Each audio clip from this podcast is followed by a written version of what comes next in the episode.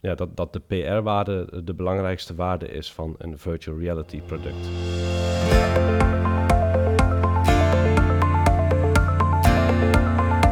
Welkom bij Lichtgevoelig, de podcast over fotografie van Aljan en Ernst-Jan. Aljan is op reis naar Nieuw-Zeeland met zijn, eh, met zijn vriendin, foto's maken. En ik heb nu een eh, speciale gast, een eh, hele goede vriend van mij, Nick Brunnekhuis. Wij hebben samen het doel gesteld om een tijdje geleden om te gaan wielrennen. En eigenlijk zochten wij iets om de winter door te komen. En Nick kwam met het idee om de Luik, Pastenakke Luik route te gaan fietsen. Dat is een route door België, 285 kilometer of 275 uh, kilometer. Met heel veel hoogtemeters. Dus daar moest voor getraind worden. Dus wij hebben, we zitten nu in een heel mooi Airbnb'tje in, uh, op de Veluwe. We hebben vandaag een mooi trainingsrit achter de rug. 100 kilometer met wat hoogtemeters. Eigenlijk ook de eerste keer dat we echt samen fietsen op de racefiets. Ja, dat is te gek weer. Dat is prachtig. mooie omgeving. gezellig. Afzien. Lekker Chinees gegeten. nu zijn we een podcast aan het opnemen. Ik wilde Nick heel graag te gast. Aljan die is dus vijf, zes weken zelfs weg. En ik heb Nick gevraagd of hij het leuk vond om over, uh, over zichzelf te gaan praten. Ik ken uh, Nick al sinds mijn dertiende. En uh, Nick begon tijdens zijn studie net als ik met fotografie. Hij heeft daar een bedrijfje opgenomen met, op, ja, op het gebied van fotografie, Photo 40. Liep heel goed samen met Paul, Paul Vermeulen. En vanuit daar is hij doorgegroeid. En nu is hij bezig voornamelijk met uh, VR en uh, hij, hij, wil meer gaan programmeren. Meer de technische kant op. Toch, Nick? Uh, misschien. Denk het wel. Maar dat, ja, daar komen we zo meteen misschien nog wel op. Maar ik weet het dus nog niet zeker. En hoe ben jij begonnen met, met fotografie? ja, inderdaad, vanuit de, vanuit de studentenkamer. ik vond het leuk. Dat was in de tijd dat wij ook wel samen al uh, fotografeerden. Met onze uh, digitale compactcamera. Toen eigenlijk nog bijna niemand een digitale camera had. En ik vond het heel uh, magisch toen om alles vast te kunnen leggen wat je zag. En zeker omdat het dan digitaal is, had er ook bijna geen limiet aan. Toen ja, had je nog voor mij, wat was het nou? 28 MB uh, CF-kaartjes ja. volgens mij. Ja, klopt. En 2 megapixel cameraatjes. En jij had toen een, een Canon. Ik heb dat eerder in de podcast heb ik hier ook over gesproken. Dat, oh. uh, dat jij kocht toen voor 300 euro of zo kocht jij een Canon 2 megapixel camera. En ik had een Kodak. Oh, ja, ja, ik weet het nog wel, ja. Die aanzienlijk minder was. Ik kon veel minder instellen dan jij. Jij, had een hele, jij kon echt alles wel handmatig instellen met jouw Canon. En jouw camera had van zichzelf al iets, uh, iets meer saturation, ja. een beetje meer scherpte. Eigenlijk een beetje wat de slechte telefooncamera's tegenwoordig ook hebben. Gewoon Ja. heel erg opgespiced, waardoor het heel onnatuurlijk wordt. En een beetje waar heel veel- commercieel. Ja, Commerciële look. maar dat vinden mensen mooi, schijnbaar. Er is laatst een keer een onderzoek naar geweest. Ja, ik wilde eigenlijk ook die Canon hebben, maar die had jij al. Dus ik wilde echt wel iets anders om te kijken wat dat Ja. dan deed. En of dat dan kon je die verschillen zien. En dat was ook, eh, dat was ook wel leuk. Maar op Maar- school was het toen al, was het al, eh, was het wel bijzonder. Dat je zo'n camera had. Niemand had toen nog een digitale camera. Nee, dat klopt. Ja. Nee, dat klopt, ja. En, en, en telefoon... Ja, we hebben... Ja, je had geen telefoons die, die, eh, die konden eh, eh, fotograferen. Dus eigenlijk het Nee. enige wat je kon doen was met een, met een ouderwetse camera met een rolletje foto's maken. Dus het was wel een hele nieuwe wereld die je opende. Ja, echt leuk. En toen gingen wij ook echt wel op pad, hè. We gingen foto's maken. We gingen de natuur in en van prikkeldraadfoto's maken. Ja, vooral, ja dat, dat echt dat we nog bij zaten. Dat was ook heel mooi weer toen. Dat was mijn eh, voorjaar. Het zonnetje scheen en dat wij allebei op onze rug lagen in een weiland om foto's te maken van een roestig prikkeldraadje. Ja, en dat was een beetje, ja, was een beetje een dag zoals nu. Gewoon echt, echt die eerste voorjaarszonnetjes. Nou, een beetje die, Ja. die, die februari, maartachtige eh, zonnetjes. Nog wel koud, maar gewoon lekker, lekker buiten zijn. En jij had toen, daarna, vlak daarna, had jij ook een prijs gewonnen met fotografie, weet ik nog wel. Dat jij eh, een fiets, je moest een fietsen maken voor het Dagblad van Noorden. Vond ik- Dat vind ik nog steeds een mooie foto trouwens. Ja, dat was... eh, God, Noorden in beeld of zo. Dat was in ieder geval een fotografiewedstrijd vanuit het Dagblad van het Noorden. En voor de eerste categorie Leven in het Noorden heb ik toen een foto gemaakt van de schaduw van mij op een fiets. Ja, in een, en die in schaduw weiland. Die, valt over een weiland inderdaad, ja, en over een slootje. Typisch Gronings eh, landschap. Ja. Ja. inderdaad, wel eh leuke foto, vind ik zelf ook wel. Maar daarmee heb ik toen inderdaad, eh, of ja, ik ben daardoor genomineerd. En toen heb ik vervolgens eh, eh, vrienden en familie ingezet om op internet eh, te gaan stemmen daarvoor. En die heb ik toen gewonnen, die eerste ronde. Ja, dat was ook serieus een leuke foto. Ja. Maar nee, want wij zijn, wij zijn dus al nu dik 20 jaar, of ongeveer 20 jaar vrienden. Ehm, veel meegemaakt, veel dingen gedaan. Ehm, en jij begon dus naast je studie een fotobedrijf, Foto 40. Ja, samen met Paul inderdaad, ja. Ja, en toen dacht ik, dat kan ik ook. Dus toen, da- daardoor, mede daardoor ben ik ook begonnen met eh, mijn, mijn fotografiebedrijf. Wel aan de andere kant van het land, dus we waren ook geen concurrenten, dus ik kon gewoon vrij en open.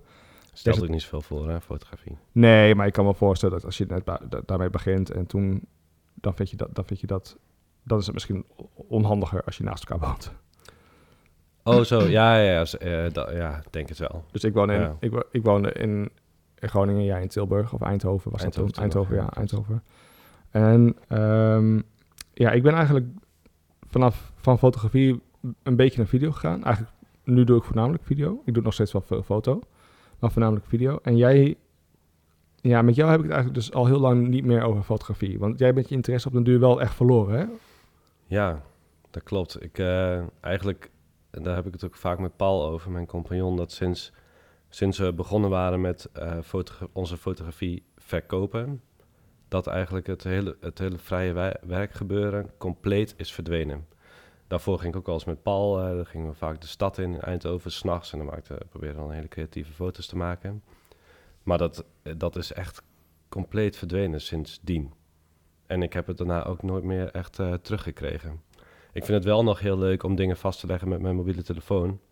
Eh, maar dat zijn dan eigenlijk vooral gewoon vakantiekiekjes en eh, foto's van mijn dochter. Maar eh, Ja, maar dat is meer dan voor een herinnering. ja, inderdaad. Ik zie mezelf, ik zie mezelf, ik heb mezelf eigenlijk nooit meer op, de, op, mijn, op mijn rug zien liggen om een foto te maken van prikkeldraad. Of, of iets anders waar, waar, jij, waar jij van dacht, ah, dat, is, dat is een mooi artistiek beeld. En dat kan ik met een mooie camera en een eh, goede lens vastleggen en aan de muur hangen of zo. Ja, ik vind het wel leuk om op vakantie, vooral op vakantie denk ik wel. En van mijn, eh, eh, en van mijn dochter. ik vind het wel leuk om dan nog een beetje mijn best te doen om er iets moois van te maken. Ja, dat zie ik je ook altijd wel doen, want wij gaan Ja. vaak op uitjes, vaak ergens heen. En altijd ben je wel in de weer om, om daar een leuke foto van te maken. We, hebben, Ja. we zijn vorige zomer zijn wij met z'n tweeën naar Slovenië gegaan te mountainbiken. En eigenlijk die hele vakantie heeft in het teken gestaan van een, eh, van een, van een vakantiefilm die we hebben gemaakt. Ja. En ook wel veel foto's, dat we dan samen een map aanmaken op, eh, op Google Foto's. Ja. Die delen en er zitten alle foto's in die we dan eh, nou, gewoon voor later of voor op dat moment gewoon leuk vinden om te maken. Ja. Maar wel inderdaad op een, op een... Het gaat dan echt om de, om de creativiteit en het, het verhaal wat je ermee vertelt. En niet om de lens en de scherpte, diepte en de bokeh en de Nee. kwaliteit daarvan. Dat zit je dan minder. Bij de video trouwens Ja. wel. Daar hebben we wel wat mooier spul gebruikt. Omdat we daar echt een mooie, eh, eh, eh, spectaculaire korte film op wilden van maken. ja. Maar fotografie. Nee, inderdaad, precies, precies wat je zegt. Eigenlijk vooral zorgen, om, zorg dat je leuke herinneringen vastlegt. Maar dan wel op een zo leuk mogelijke manier. Maar ja, het blijft gewoon natuurlijk een, een mobiele telefoon. Met alle beperkingen van dien. Ja, eigenlijk vooral dat ja. En je, ja, je kan wel een mooie bokeh willen. Maar met die mobiele telefoon die ik heb, eh daar zit dan wel toevallig zo'n softwarematige bokeh tool op. Maar ja, Zoals een Gaussian blur laag Ja, wat erachter wordt geplakt. ja, het is niet eens vergelijkbaar met een eh, lensblur inderdaad. En dan zit hij er ook nog eens een keer heel vaak naast. Zeker als iemand een beetje een wild kapsel heeft. Ja. Dat gaat eigenlijk nooit goed. Dus ja, dat eh, kan je net zo goed gewoon eh, weglaten, denk ik. Of de ruimte tussen de armen en, de, en het bovenlichaam. Ja. wat dan vergeten wordt mee te nemen. Ja, ja, Maar wat, wat ik wel heel interessant vind, is dat wij in die zin eh, best wel dezelfde weg hebben bewandeld. We zijn, eh, we, we zijn in, in Leek, hebben we allebei op school gezeten. ja. Ehm, toen zijn we, naar, eh, zijn we naar België gegaan om daar op een camping te werken met z'n tweeën. Hebben echt een hele gave tijd gehad. Toen waren we 18, 17, 18. En daarna ben jij naar Eindhoven gegaan en ik ben naar Australië gegaan voor een Ja, jaar. En we hebben altijd gewoon contact gehouden. Dat is eigenlijk ook niet minder geworden. Ik denk dat de vriendschap alleen maar door de jaren heen gewoon beter is geworden. Omdat je elkaar beter leert kennen. En, ja. eh, je hebt uh, geschiedenis samen, je hebt veel meegemaakt.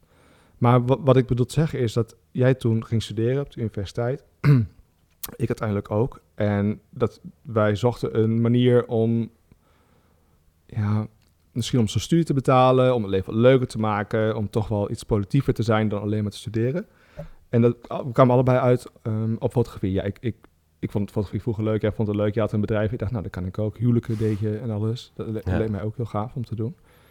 Ehm, maar daarna zijn we daar wel in blijven hangen. We zijn allebei niet doorgegaan met waar we voor studeerden. Nee, ik heb wel heel erg getwijfeld trouwens toen ik klaar was met studeren. Over wat ik eh, moest doen. Ik heb uiteindelijk, ik heb, ik heb allerlei studies gedaan, maar uiteindelijk eh, de laatste, de master die ik heb gedaan, die vond ik zo leuk dat ik daarna ook wel echt even dacht dat ik daarmee verder moest gaan. Wat, wat was het dan voor de master? Communicatie en eh, informatie, technologie. Het komt van ver. Ja, jezus. Ja, het is al bijna weer... Even kijken. Het is dit jaar al zeven jaar geleden dat ik ben afgestudeerd. Dus dat voelt echt een eeuwigheid geleden. Zo lang al? Ja, Ik kan me nog zo goed ja. herinneren dat je toen het bedrijf in zomer een beetje op pauze had gezet omdat je eh wilde afstuderen. Ja, man. Ja, heb ik echt wel goede herinneringen aan. Echt leuk. eh, dus daarom... Ja, maar waarom was, waarom was het dan zo leuk? Waarom vond je dat zo leuk? Wa- Wat gaf je dat, wat, gaf je dat wat je niet had bij jouw bedrijf? ehm, wat toen voornamelijk nog fotografie was, meen ik, hè? Eh, er was toen alleen nog fotografie. En 360 graden fotografie. Ja, nee, Wat oké, eigenlijk ja. fotografie is, maar dan nog makkelijker. Ja, wa- waar je eigenlijk het artistieke dan gewoon compleet uitsloopt en het, Ja. en het functioneel maakt. ja, dat, ja, precies.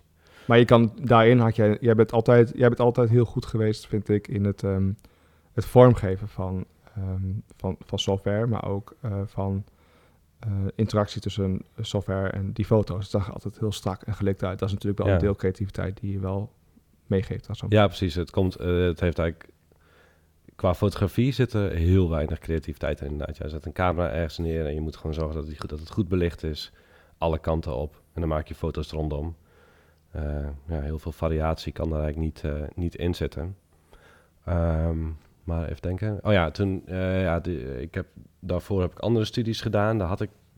ja, die heb ik... de een heb ik wel gehad, de ander niet. Maar ik, ik, had, eh, deed me nooit zoveel, die studies. Ik was gewoon een beetje een soort van moedje. Ik denk, maak het maar af. onder maatschappelijke druk, druk van je ouders. gewoon dingen die je moet doen als je goed kan leren. Ja, dat. En, eh, en wetende ook dat wanneer je je studie afmaakt, dan, dan, dat dan de eerste vier jaar, geloof ik, eh, aan eh, studielening, dat dat dan wordt omgezet in een gift. Oh ja, En Ja. hoe heet dat? De, dat heb ik dus niet. de, de OV. ja, en zeker als je nog student bent, is dat echt een hele bak met geld die zo Ja. boven je hoofd hangt. Ja, dat, Dus dat, wilde ja. ik wel. En ik wilde het ook gewoon, inderdaad, gewoon druk. Maatschappelijke druk. Ik wilde het gewoon afmaken. Ik, anders heb je, het idee dat je iets niet afmaakt. Dat, dat trek ik niet zo heel goed. Ik heb het idee, het gevoel dat ik heel vaak dingen niet afmaak in mijn leven. En dat vind ik geen fijn gevoel. Nee, en dat, dat, dat wordt ook, is ook heel vaak. ehm, ehm, ja, hoe- zeg ik dat? Nou het niet afmaken van dingen is bij niemand een fijn gevoel. Dat knaagt en dat blijft heel erg knagen. En je voelt je een beetje een loser. Ja, Dat, heb ik ook. Ik, heb ook. ik maak ook nooit iets af. Ik maakte er nooit iets af. Totdat ik dat knagende gevoel niet meer aankon. En ehm, dingen ging doen die ik wel kon afmaken. En waar, ik- waar ik gewoon constant gemotiveerd bleef om die dingen af te maken. ja, Want bijvoorbeeld een studie, het duurt heel lang. En het is vrij monotoon. Maar je moet heel veel dingen doen die je niet leuk vindt. en de beloning komt echt zo laat. Komt heel laat. Ja, En je verdient geen geld. En ehm, je bent, de stofdichtheid is vrij laag. Dus je voelt je niet heel productief. Ja. En ik, ik kon dat niet heel goed. En uiteindelijk ja, heb dat zo ver weg dat ik het, dat ik het echt niet meer, niet meer kon. En dat ik er daarmee stopte. Maar dat, dat, dat, deed, dat voelde ook heel onprettig. Dat was ook helemaal niet fijn. ja. Maar jij, jij wilde dus iets afmaken. Je wilde de studie gewoon afronden. Want daarvoor heb jij technische... eh, je? Technische eh, techniek en maatschappij heette dat toen ik begon. In Eindhoven was dat, hè? Ja, een combinatie van eh, technische vakken, maar ook van eh, technische en sociologische vakken, eh, psychologie en zo, economie. Ja, techniek en maatschappij, de naam zegt eigenlijk al een beetje. Echt een superleuke studie, maar die technische vakken, de, die trok ik gewoon niet. Ik had er niet genoeg discipline voor om daar de hele dag voor te gaan studeren. En dat werd eigenlijk wel een beetje van je verwacht op de Technische Universiteit. Maar goed, dat lukte mij dus niet. Eh, en toen ben ik naar Tilburg, in Tilburg gaan studeren, vrije tijdwetenschappen. Er wordt altijd een beetje lacherig over gedaan, maar eh, ja, dat snap ik ook wel.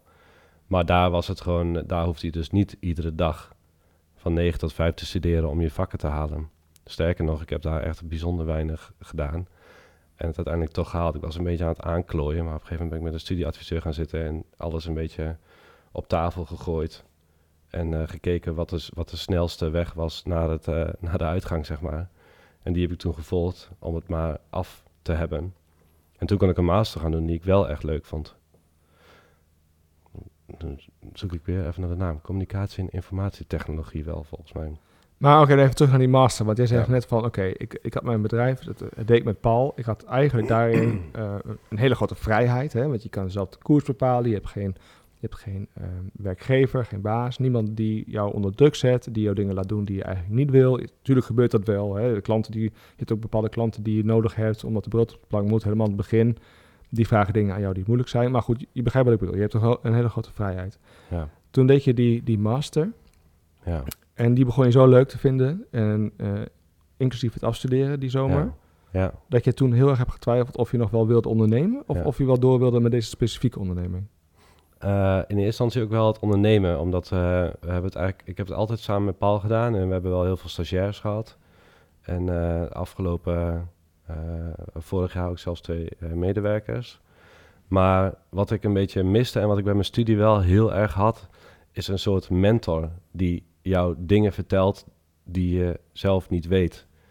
En die je gewoon totaal, op een totaal andere manier naar dingen laat kijken. Ja, Zo'n inspiratie. Dat, eh, dat miste ik een beetje. En had ik tijdens die studie had ik dat echt, die duurde maar een jaar. Maar dat had ik echt constant. Echt iedere, bijna ieder college dat ik had gehad daar, vond ik echt oprecht leuk en interessant. En dat had ik daarvoor nog nooit meegemaakt. En toen, die, die master ging ook nog eens een keer heel erg goed. Dus ik dacht, ja, ik zou wel gek zijn als ik hier eh, niks mee ga doen. Maar je bent, eigenlijk werd jij dus eh, intellectueel geprikkeld op een manier die jij miste in je bedrijf. Dat was meer gewoon repetitie, repetitie, repetitie. Eh, ja, Met hele kleine innovaties her en der. Ik denk dat dat het, eh, dat, dat, dat het dat is inderdaad, ja. En, maar ook vooral het hebben van eh, mijn afstudeerbegeleider bijvoorbeeld. Dat was ook een docent die ik, daar die ik daarvoor een paar keer met, voor een vak heb gehad ook. Echt een hele inspirerende vent, waar je gewoon graag naar luistert. Eh, en als je dan een probleem hebt, die leg je aan hem voor... en dan komt hij met hele creatieve oplossingsrichtingen Mhm. ja, echt ja, een soort zwarte doos waar je dingen instapt en waar dan, waar dan eh, verrassende dingen uitkomen. Ja, dat, vond ik echt, dat vond ik echt heel tof. En dat miste ik eh, toen, misschien nu nog steeds wel een beetje, in, in mijn eigen bedrijf. Ja, die snap ik wel. Ja, Want het, daar, daar zit ik zelf ook wel eens mee. Omdat als je eigen, je doet in jouw bedrijf iets ehm, wat voor jou ook makkelijk is om te doen, relatief. Omdat je geld moet verdienen. Dus je wil graag op een, op een efficiënte manier je bedrijf runnen, zodat je geld verdient. ja, En nieuwe dingen leren en problemen creëren om maar iets op te lossen en ehm, geïnspireerd te worden, is niet per definitie heel efficiënt. Klopt inderdaad. En als je dan al, want we hebben de afgelopen jaren best wel die ruimte genomen om nieuwe dingen te gaan doen. Daarom zijn we ook allerlei andere dingen gaan doen naast eh, in eerste instantie fotografie. Eh, dan nog moet je het allemaal zelf doen. Ja. En dat, is, dat heeft echt heel veel charme en dat kan echt heel erg leuk zijn. Maar soms eh, zou het ook wel fijn zijn om iets met iemand te doen die ergens heel erg goed in is. Ja.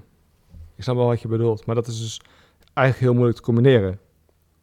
Ja, ja, want, ja, want inderdaad, wat je zegt, die, eh, die vrijheid die je hebt met eh, het runnen van eh, een eigen bedrijf is echt heerlijk. En ik zou nooit anders willen, denk ik. Is dat ook de reden waarom je toch door bent gegaan met het ondernemen in, in je eigen bedrijf met dezelfde samenstelling? Ja, ik weet eigenlijk niet precies meer wat, wat, wat mijn keuze toen, eh, waardoor mijn keuze is. ik, ik weet het denk ik nog wel een heel klein beetje. Hè? Oh, Ja, want je deed toen fotografie. En ik had hetzelfde met fotografie. Kijk, we, we hebben het al eerder over gehad eh, vandaag en eerder ook al wel. Dat jij vindt, en ik ben het daar heel erg mee eens, dat er heel vaak veel te gewichtig wordt gedaan op fotografie. Ja, toch? ja. ja Dan zie je eh, weer, ja. zie je weer zo'n knoeier op, eh, op tv. Die maakt dan portretten van bekende Nederlanders. En die heeft er dan een heel verhaal bij. Iedereen zit al en A. En dan komt Ja. Humbe- Humberto Tan komt daar weer met zijn... die gooit zijn Canon op tafel bij een of andere talkshow. Laat dan Oh, die- ja, ja, precies. Ja, inderdaad. Al die bekende Nederlanders die dat dan nu ook gaan doen. Ja, door, door zo'n door zo'n tv-programma. Hoe heet het ook weer? Eh er zit zo'n RTL-programma. plaatje of zo. Zoiets, ja, Ja. ja.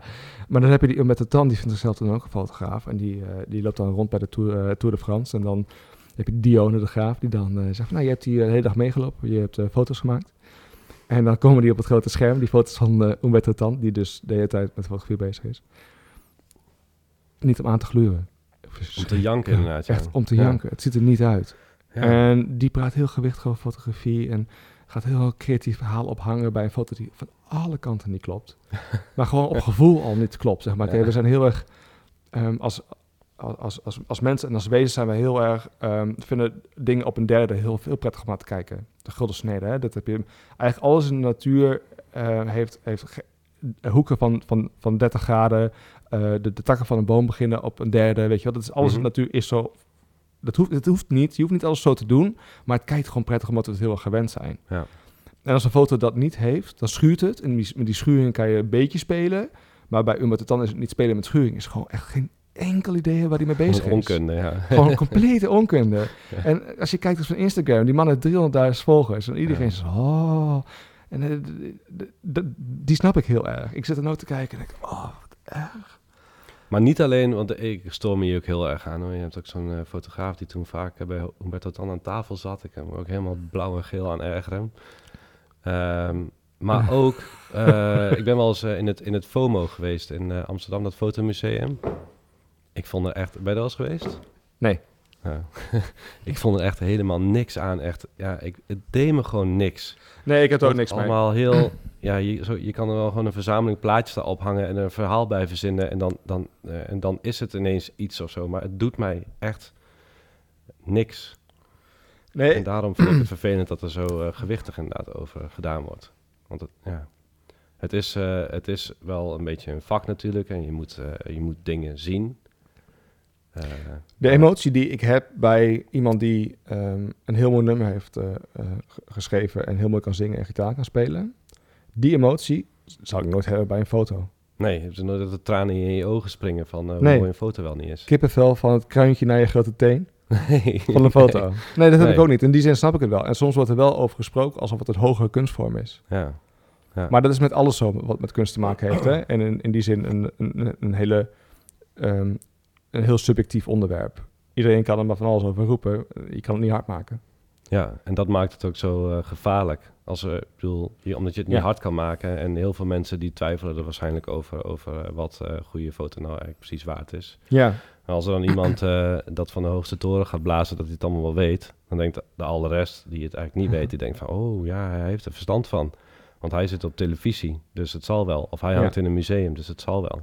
En dan krijg je beeldvorming. En beeldvorming is heel vervelend om met tegen te werken. En ook ehm, heel irritant. Ja.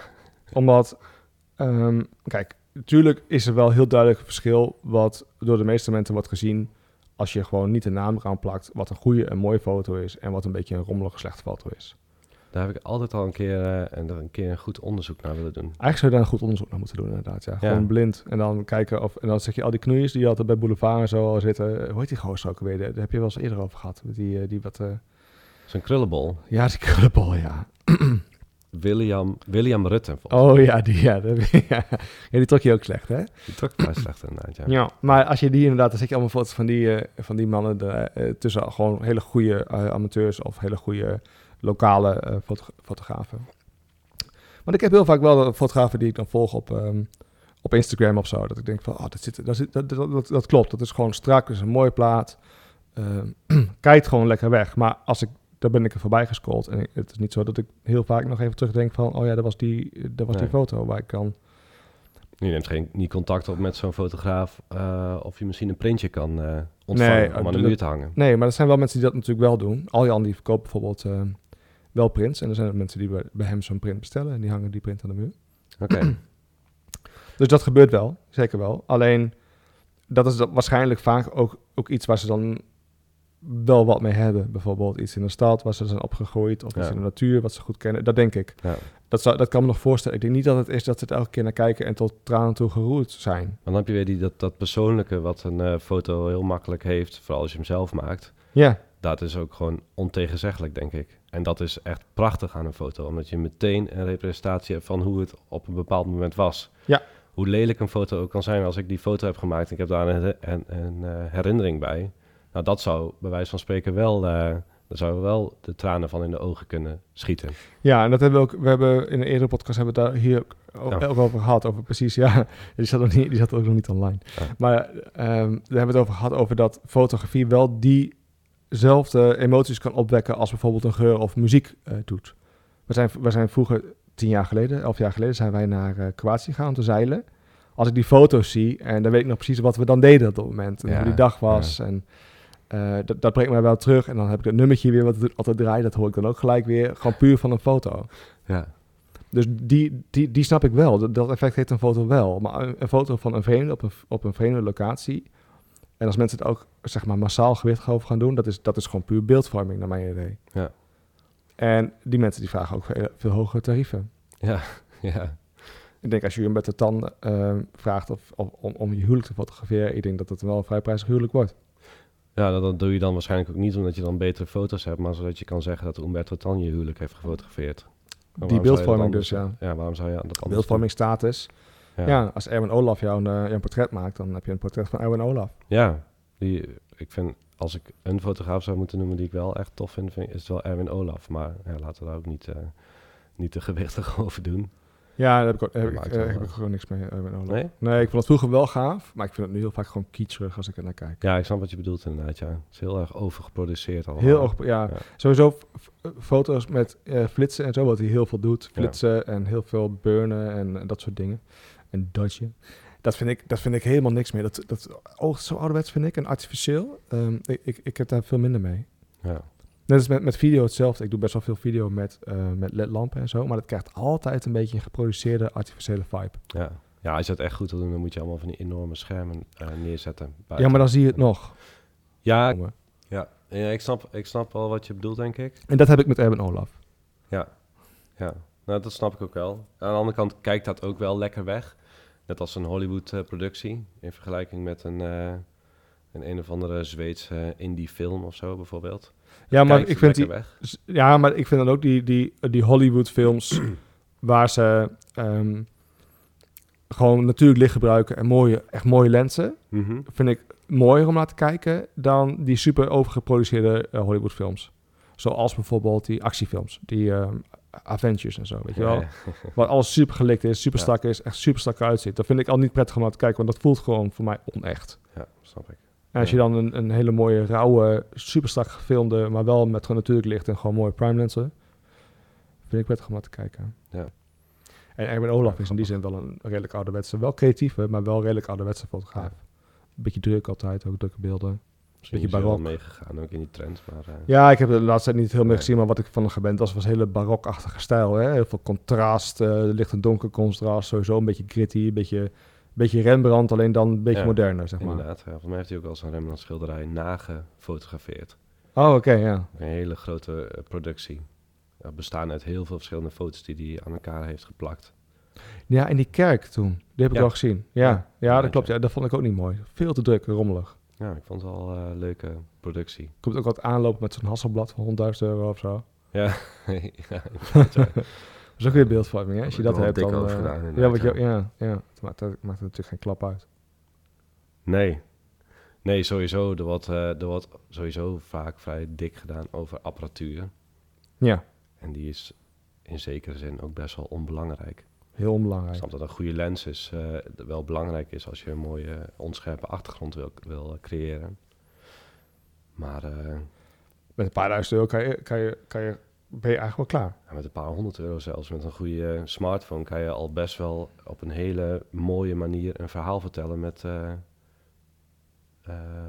met foto's die je daarmee maakt. Nee, zeker, zeker dat klopt wel. Maar als jij ehm, die look wil van een 85 1.4 op een full frame camera, is toch wel heel anders nog. Ja, ja, zeker. Ja, Dus, ja, Maar daarboven worden de verschillen wel heel erg klein. Als jij nu een, nou, wij, ik- wij schieten allebei nu ook met Sony. Dat komt van Nikon. En als wij nu met die Sony een eh, full frame foto, ook met heel veel megapixels, 43 of zo, 42. Als je daar een foto mee maakt, met de 85 1.4, hoeveel beter is die Hasselblad nog? Ik zou het eerlijk gezegd eh, niet weten. Ik heb me wel eens laten vertellen dat Hasselblads eigenlijk buiten de studio een soort van onbruikbaar zijn. Heel onhandig ergonomisch, hè? heb ik ook wel gehoord, ja. Ja, dat, maar ook gewoon heel traag en zo, geloof Ja. ik. Maar ik, eh, ik zou het echt niet weten. Ik zou het niet weten inderdaad waarom je... Waarom je Maar eigenlijk gewoon een snelle, ergonomisch goede camera is, is belangrijker dan ehm, op, op 100% inzoomen en dan per pixel beoordelen hoe die foto eruit ziet. ja, misschien, ja, ik denk het, ja. Ja, ik weet hier ook... ik Helemaal in die huidige van- tijd, hè, waar we net zeiden, als alles dus, alles dus die echte feel moet hebben, kan er juist een klein foutje of een klein blurretje van een eh, beweging kan, kan best wel charmant zijn. Ja. Ja. Kan best leuk zijn. Als je zo'n Heineken op een dienblad en je ziet die open nog, eh, ja, wel scherp, maar net een beetje wazig. Dat hij in de haast een beetje prikt naar de, Ja. naar de gasten. Ja. Dat- ja, dat heeft ook wel wat. Ik denk dat het vaak wel voor de, bij dat soort reclames ook wel bedacht is. Nee, natuurlijk is dat bedacht. Per ongeluk, eh, zo'n blur zit er vaak niet per ongeluk in. Nee, dat is, denk, dat is bij dat soort merken wel helemaal uitgeschreven. Maar dan kan je Ja. natuurlijk zelf op een low budget heel goed mummiken. Ja. Met, met, maar goed, oké, e- even terug. Dus jij ging, jij ging eh, na je studie, heb je er toch uiteindelijk voor gekozen, eh, want ik weet hoe het zit, hè? dat zei ik. Ik weet hoe, wat er gebeurde. Heb je ervoor gekozen om samen met Paul Oh ja. door te gaan? ja. ja. Sorry voor deze kleine intermezzo. maar jij bent, jij bent doorgegaan met het bedrijf. ehm, en jij hebt toen tegen mij gezegd, eh, op voorwaarden. Want Paul is natuurlijk een ehm compagnon voor jou. Dus je, je, je houdt ook rekening met zijn leven. Want jouw beslissing heeft ook per definitie impact op zijn leven. Mhm, ja. Dus ik neem aan dat je dat soort dingen goed bespreekt. En dat je met hem eh, over de toekomst praat. En zegt welke kant wil ik op. En ik zit hier en hier mee. En dit lijkt me heel erg leuk. Ik wil intellectueel meer uitgedaagd worden. En ik geef je helemaal gelijk in. Ah, Puur, als je puur foto's maakt, daar miste ik ook. Ik miste, je kan dan ondernemen, je kan nieuwe klanten zoeken. Dat is misschien leuk en spannend voor een tijdje. Want op de duur heb je dat ook wel een klein beetje gehad. Dus ook, er zit ook weer heel veel repetitie in. Het is allemaal hetzelfde. Ehm, op de duur wil je meer diepgang. Je wil inderdaad voor creatief, creatieve problemen komen te staan. Je wil ehm, geprikkeld worden, inderdaad. En dat gebeurt als je heel veel hetzelfde doet op zo'n, zeg maar, subjectief en moeilijk meetbaar vlak als fotografie. Mhm. Gewoon te weinig, vind ik ook. Dus jij hebt met Paul eh, besproken en toen heb jij volgens mij gezegd, ik, dit is allemaal uit herinnering van dus inderdaad zeven jaar geleden, ehm, dat jij zei, ik wil wel doorgaan met het bedrijf, maar dan moeten we wel iets doen wat ik interessant vind en waar ik door geprikkeld word. Wat ik interessa- interessant vind om te doen, om op te pakken, iets nieuws. Maar ja, ik, ik ben even de een beetje tijdspad kwijt. Maar eh, we zijn eigenlijk overal gewoon ingerold. Eh, Je moet- je- maar je weet- eerst, eh, eerst, eerst kwam video. Eh, maar dat is gewoon omdat we van een goede klant toen nog eh, de vraag kregen van... Ja, jongens, hebben jullie niet zin om ook af en toe een keer een videootje voor ons te maken? Eh, dat hebben we toen met beide handen aangepakt.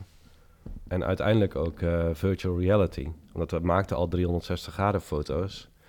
En de stap naar cinematic VR, zoals het met een mooi woord heet. Eigenlijk gewoon 360 graden fotografie en video. Dat hebben we toen, ja, in 2015 kwam die VR-hype helemaal op. Toen had je Wat, wat, is, V- wat, wat is VR voor de mensen die dat niet weten? Kun je dat even kort uitleggen? Misschien heb je, kun je dat eh, in één zin of in twee zinnen uitleggen? Virtual reality eh, eh, zorgt ervoor dat je dat het of transporteert je eigenlijk naar een andere wereld. Dat kan een virtuele wereld zijn. Dus eigenlijk klopt de term virtual reality niet helemaal met wat wij doen. Maar het kan een, een gamewereld zijn bijvoorbeeld. Dat je met zo'n bril op Ja. eh, in eh, de wereld van eh, Grand Theft Auto st- stapt. En dan kan je alle kanten op kijken hè? en dat, het beeld beweegt gewoon met je mee. opkijken. En in Grand Theft Auto dan kan je zelfs gaan, gaan lopen virtueel en mensen neerknallen. Als je dat leuk vindt. Maar je kan ehm, ook 360 graden 3D beelden in VR bekijken. Dus in plaats van dat je dan, zoals bij Google Street View, dat je op je computer met je muis aan het klikken en slepen bent, zet je zo'n bril op. En dan kijk je gewoon rond zoals je altijd rondkijkt. Eh, en dan zit je als het ware in die plek waar die foto gemaakt is. En dat zijn we toen eh, gaan doen. Eh, Ja, want ja, oké, dus dan heb je, je zet die bril op en je had daar kartonnetjes voor. Dan kan je telefoon kan je erin schuiven. Ja. En dan zie je eigenlijk je telefoonscherm door twee lensjes. En dan kon je, ik heb het wel eens bij jullie gezien, ik vond het dan ook Ja. heel gaaf. Dan kan je om je heen kijken, omhoog kijken, achterom kijken. Als je op een draaistoel zit, zo'n bureaustoel, dan zet je, zet je mij toen op. Dan kan je Ja. rondjes draaien en dan Ja. zie je alles om je heen wat daar gebeurt. Ja, je kan inderdaad dan eh, 360 graden video's, dat alles om je heen ook beweegt. We hebben als op, eh, op een sleepboot eh, een 360 graden video Ja, die heb je mij laten zien. Met die ketting die dan eh, zo... Ja, die dan zo'n tik. containerschip gaat, eh, eh, gaat binnenhalen. Ja, wel gaaf. Heel gaaf. En toen, toen ik dat zag, ik denk dat was dat 2015? Eh, ik denk 2014? 15, ik denk ja, 2015 was dat. Ja. Toen, toen ik dat zag, toen dacht ik echt van... Wauw, dit is echt de toekomst. Dit is zo gaaf. Ja, en eh, ja. eh, eh, dat dacht ik toen. Ja, dat dachten wij toen ook. Er werd ons ook af en toe wel verteld dat we op een zak goud zaten en, en, en weet ik wat niet Als mensen dat gaan zeggen, dan weet je sowieso al dat je op moet passen. Hè? Ja, dan ben je al een beetje achter ja, ik heb het wel zo vaak gehoord. En ik dacht van ja, dat weet ik niet. Ja. maar uiteindelijk is het nooit echt een hit geworden die, die ik had voorspeld dat het zou worden. Nee. Nee, sowieso VR, we- welke type VR dan ook, is eigenlijk nooit echt heel erg eh, groot geworden. Eh, niet bij het grootste publiek in ieder geval. Eh, en ook, ook onze VR-diensten die we geleverd hebben, dat, die in 2016 eh, hebben we echt een hoogtij meegemaakt. Heel veel virtual reality klussen gedaan, hele leuke dingen gedaan ook wel. Maar we kregen ook allerlei aanvragen van bedrijven die een autowasservice leverden en dat dan, dat dan in VR wilden laten zien. En dat, dat wij ook dachten van ja, eh, leuk en het kan ons allemaal omzet opleveren, maar dit moet je helemaal niet in VR gaan vertellen. Het is gewoon een gimmick. En dat was het toen ook. En nog steeds, eh, ook nu nog steeds, eh, zijn er veel bedrijven die, waarbij de PR-waarde, wij zeggen, we noemen het ook altijd VR voor de PR, waarbij de PR-waarde veel belangrijker is dan. Eh, eh, ehm, ja, dat, dat de PR-waarde de belangrijkste waarde is van een virtual reality product. We maken veel virtual reality trainingen bijvoorbeeld met een eh, platform wat we daarvoor ontwikkeld hebben. En ik heb, hoewel de reacties die we zo via via krijgen zijn vaak heel goed, maar ik heb het idee dat het nog steeds de, eh, de PR-waarde veel belangrijker is dan eh, dat mensen ook daadwerkelijk goed getraind worden met zo'n virtual reality. Met, wat bedoel je met PR-waarde? Dat mensen kunnen zeggen dat ze het hebben? Ja, ja er is ook wel vaker in de krant gestaan. Ja, Dat, eh, ja, een bedrijf eh, leert je nu schoonmaken met een VR-bril. ja. Het Algemeen Dagblad die nam, dat, die nam dat klakkeloos over. Hoppakee, een mooi PR-momentje voor onze klant. Terwijl volgens mij je dat helemaal niet per se nodig, hebt nodig hebt om eh, goed eh, te leren schoonmaken. Dat was toevallig een schoonmaakbedrijf. ja, want dat zou in principe dus op gebied van, met, met zelfs foto's en een kort videootje net zo kunnen wij zeggen. Voor veel minder geld.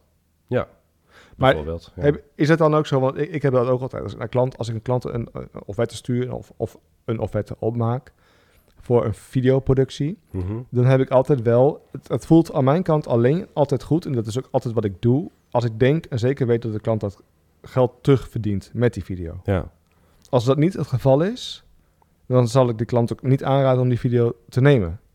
Want dat voelt gewoon niet goed. Dat wringt en dat, dat, dat, dat, dat, dat vind ik niet prettig. ja.